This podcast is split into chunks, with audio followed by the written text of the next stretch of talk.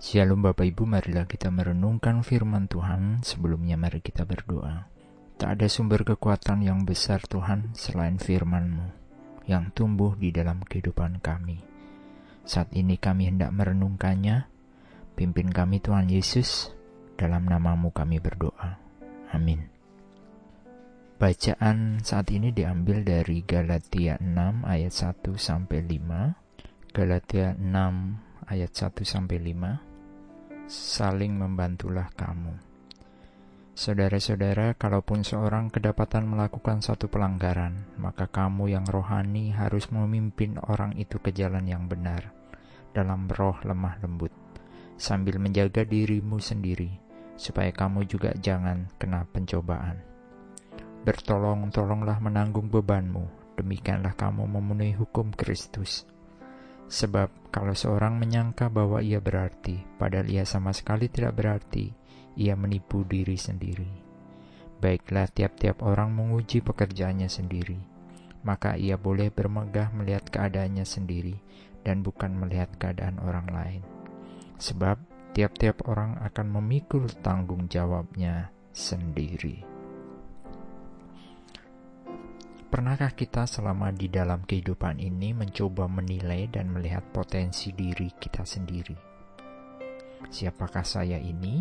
Apakah yang menjadi kelebihan saya dibandingkan orang lain? Kita mencoba melihatnya dari sisi-sisi positifnya saja. Apakah kehadiranku itu punya makna bagi diriku, juga bagi sekelilingku? Mungkin ini seolah seperti sok kepedean atau sok penting. Tapi jika kita renungkan benar-benar, harusnya lah hidup kita memiliki arti, tidak hanya untuk diri kita sendiri, tapi juga untuk orang lain. Kenapa demikian? Karena ada tugas di dalam kehidupan ini bahwa kita hadir juga untuk memberi arti bagi sesama.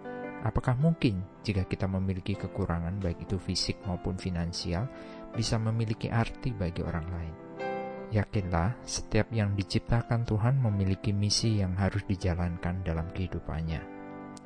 Bacaan di Galatia ini menasihatkan bagaimanakah kita harus hadir di dunia ini dan hadir untuk sesama kita. Yang pertama, kita harus saling menasihati untuk berbuat baik tidak hanya untuk orang lain, tapi juga untuk diri kita sendiri. Dan yang kedua adalah hidup untuk saling tolong-menolong. Itu bagian untuk memenuhi hukum Kristus. Yang ketiga adalah jangan kita menganggap bahwa diri kita itu paling penting, sehingga mengabaikan yang lain. Dan yang keempat adalah lakukanlah pekerjaan kita sebaik-baiknya, karena apa yang kita kerjakan di sana akan ada upah yang akan kita peroleh.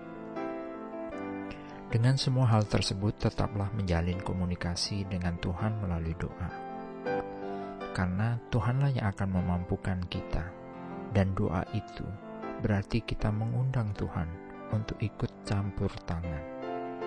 Jika Ia sudah campur tangan, tak ada masalah yang tak sanggup dituntaskannya selamat menjadi pribadi yang bermanfaat bagi diri kita, juga bagi orang lain. Amin. Mari kita berdoa. Setiap kami adalah pribadi yang memiliki tanggung jawab kepada Tuhan. Kehadiran kami adalah juga memberi arti bagi sesama kami. Tuntun dan pelihara kami Tuhan, supaya karya kasih Tuhan tercermin dalam laku kami. Dalam Tuhan Yesus yang memampukan kami kami berdoa. Amin. Tuhan Yesus memberkati. Shalom.